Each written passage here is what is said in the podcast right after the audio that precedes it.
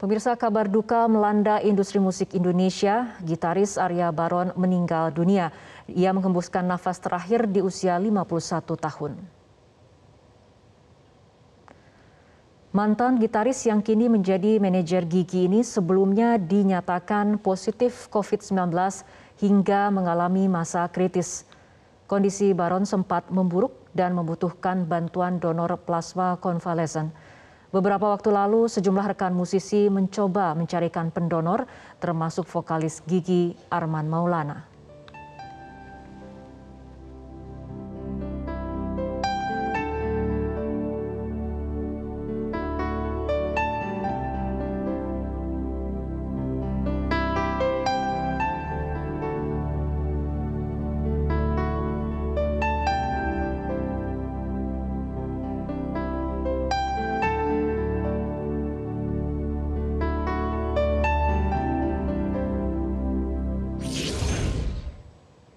Ledakan kasus COVID-19 pasca libur lebaran dan terus menyebarkannya virus COVID-19 varian Delta nampaknya dampaknya semakin terasa.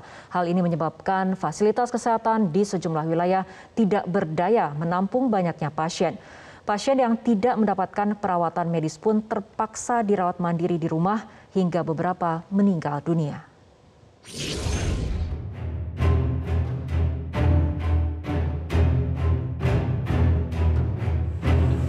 Ledakan kasus COVID-19 pasca libur lebaran dan terus menyebarkan virus COVID-19 varian Delta dampaknya semakin terasa.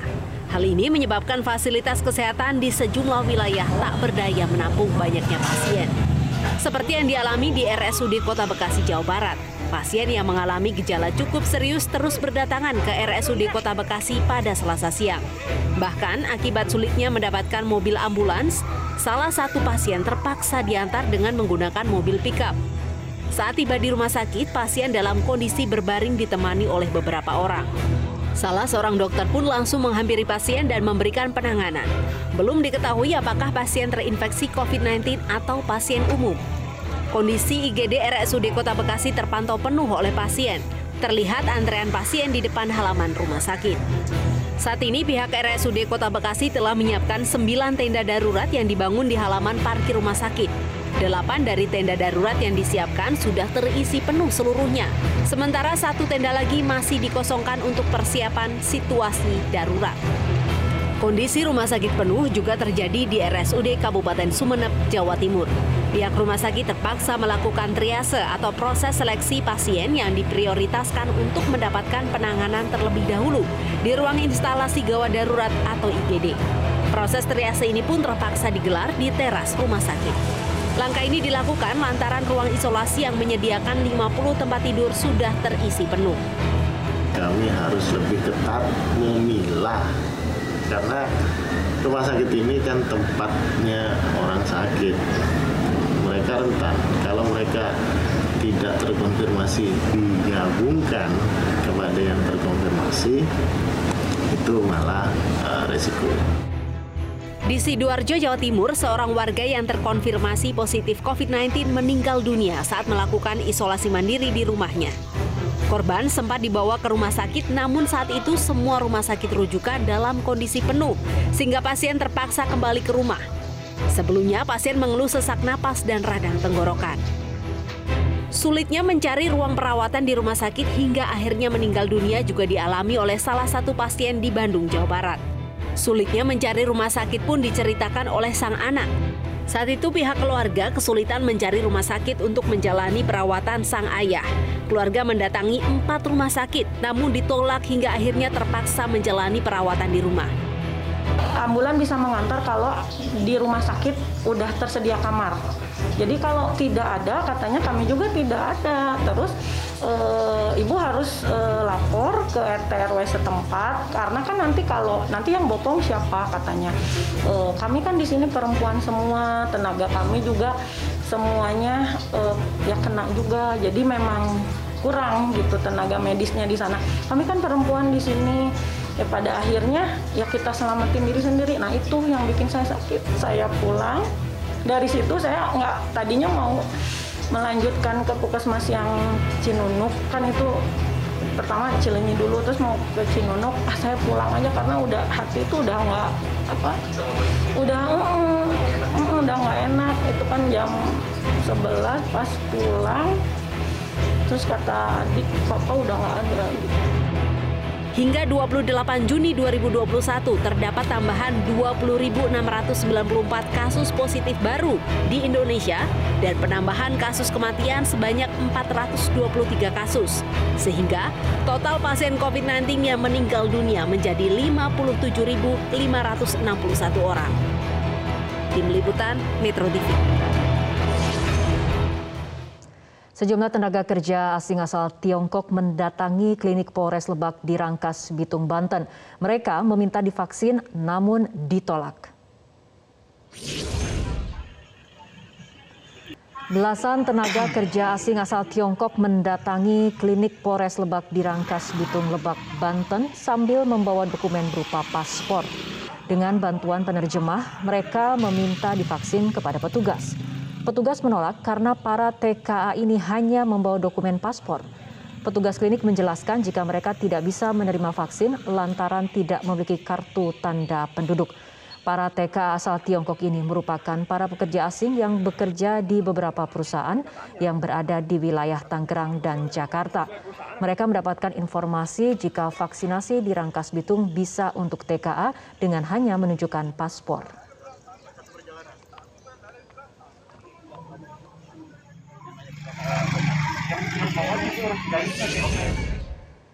Peserta vaksinasi COVID-19 di Balai Kota Tangerang, Banten hari ini membludak. Saking ramainya peserta saling berdesakan dan melanggar protokol kesehatan.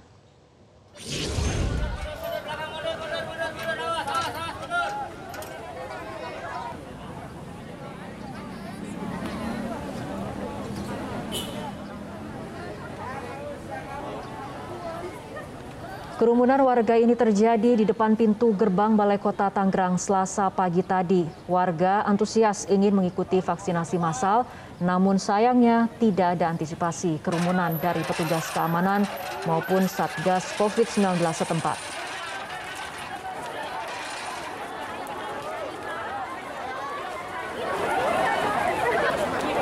Saat pintu gerbang dibuka, warga langsung berebut masuk ke dalam area vaksinasi. Bahkan saat sudah di dalam, warga tetap berdesakan karena ingin mendapat barisan terdepan. Kerumunan akhirnya bisa terurai setelah petugas membagi warga sesuai domisili. Menurut Wali Kota Tangerang, Arif Wismansyah, kerumunan terjadi karena banyak peserta yang datang tidak sesuai jadwal dan bukan warga Tangerang, namun berbekal surat keterangan kerja dari perusahaan.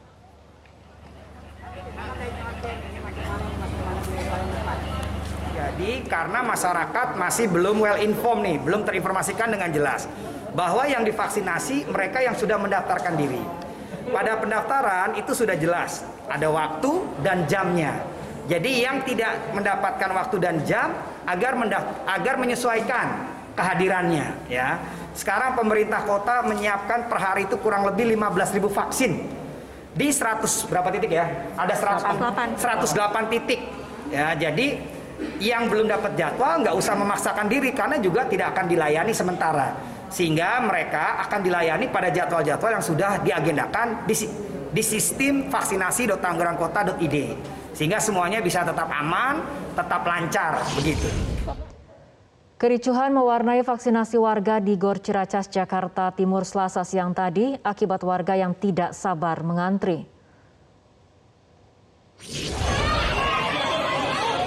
Warga yang tidak sabar menunggu antrean dan khawatir tidak mendapatkan vaksinasi mencoba merangsek garis pembatas yang dibuat oleh petugas hingga terjadi kericuhan lantaran sejumlah warga berebutan nomor antrean vaksinasi.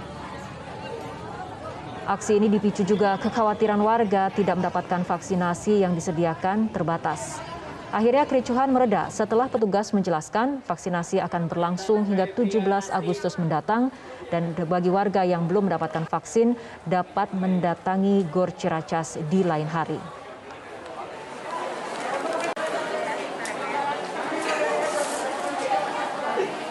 sudah dihimbau dari rekan-rekan kami dari LMP, dari LMP, ya kan, dihimbau supaya antri dengan tertib, ya.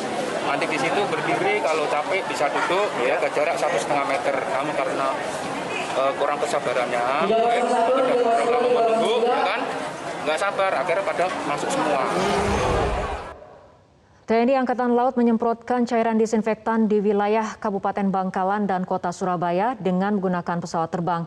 Kegiatan ini dilakukan untuk membantu pemerintah dalam upaya memutus penyebaran COVID-19, terutama di wilayah zona hitam seperti sejumlah wilayah di Kabupaten Bangkalan.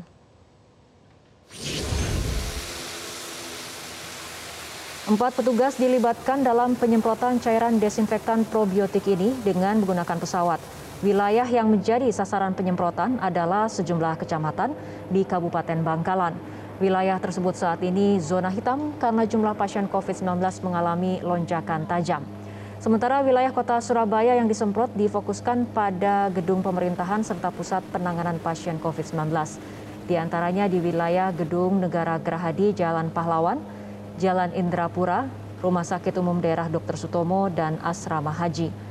Agar tepat sasaran, pesawat harus terbang rendah saat menyemprotkan cairan desinfektan antara 500 hingga 1000 kaki. Penyemprotan ini sudah dilakukan tiga hari pada hari Sabtu, Minggu, dan Senin dengan jumlah cairan desinfektan rata-rata 5.000 liter per hari.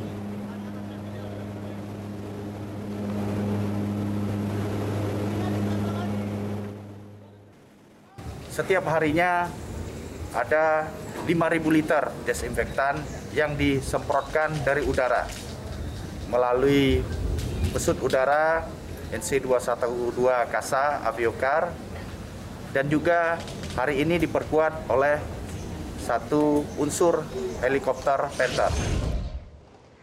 Polda Metro Jaya memperluas daerah pembatasan dan pengendalian mobilitas masyarakat di DKI Jakarta dari sebelumnya hanya 10 titik menjadi 35 titik di mana akses jalan di 21 titik akan ditutup di jam tertentu sementara mobilitas warga di 14 titik akan dibatasi guna mencegah kerumunan.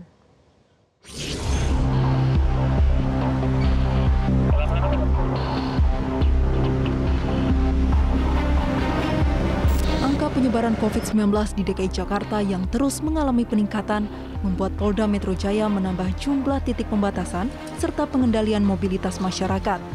Setelah mengevaluasi 10 titik pembatasan mobilitas PPKM Mikro di Jakarta, polisi memutuskan untuk menambah jadi 35 titik pembatasan yang meliputi daerah penyangga DKI Jakarta seperti Kota Bekasi, Kabupaten Bekasi, Kota Depok, dan Kota Tangerang. 21 titik di antaranya akan diberlakukan pembatasan, sedangkan 14 titik lainnya akan dilakukan pengendalian mobilitas. Beda cara bertindaknya. Kalau pembatasan dibatasi kita pasang di situ barikade di tempat yang memang kesannya itu sering terjadi kerumunan. Jadi 21 sekarang. Kalau sekarang pengendalian, kami sistemnya adalah buka tutup situasional, tapi lebih banyak kita buka. Tetapi kita lakukan patroli bersama, melihat ada orang di situ berkumpul lebih dari lima kita bubarkan. Itu bolak balik saja di penggalian itu, patroli. Sampai kapan? Sampai besok Akses jalan di 21 titik yang dilakukan pembatasan akan ditutup sejak pukul 21 hingga pukul 4 pagi, seperti di Jalan Sabang, kawasan Bulungan, dan kawasan Kemang. Sementara di 14 titik, mobilitas masyarakat akan dibatasi sebagai upaya mencegah kerumunan. Dalam beberapa pekan terakhir, DKI Jakarta mengalami lonjakan kasus yang cukup tajam. 28 Juni, kasus di DKI Jakarta bertambah 8.348 kasus. Sementara sehari sebelumnya, kasus di DKI bertambah 9.394.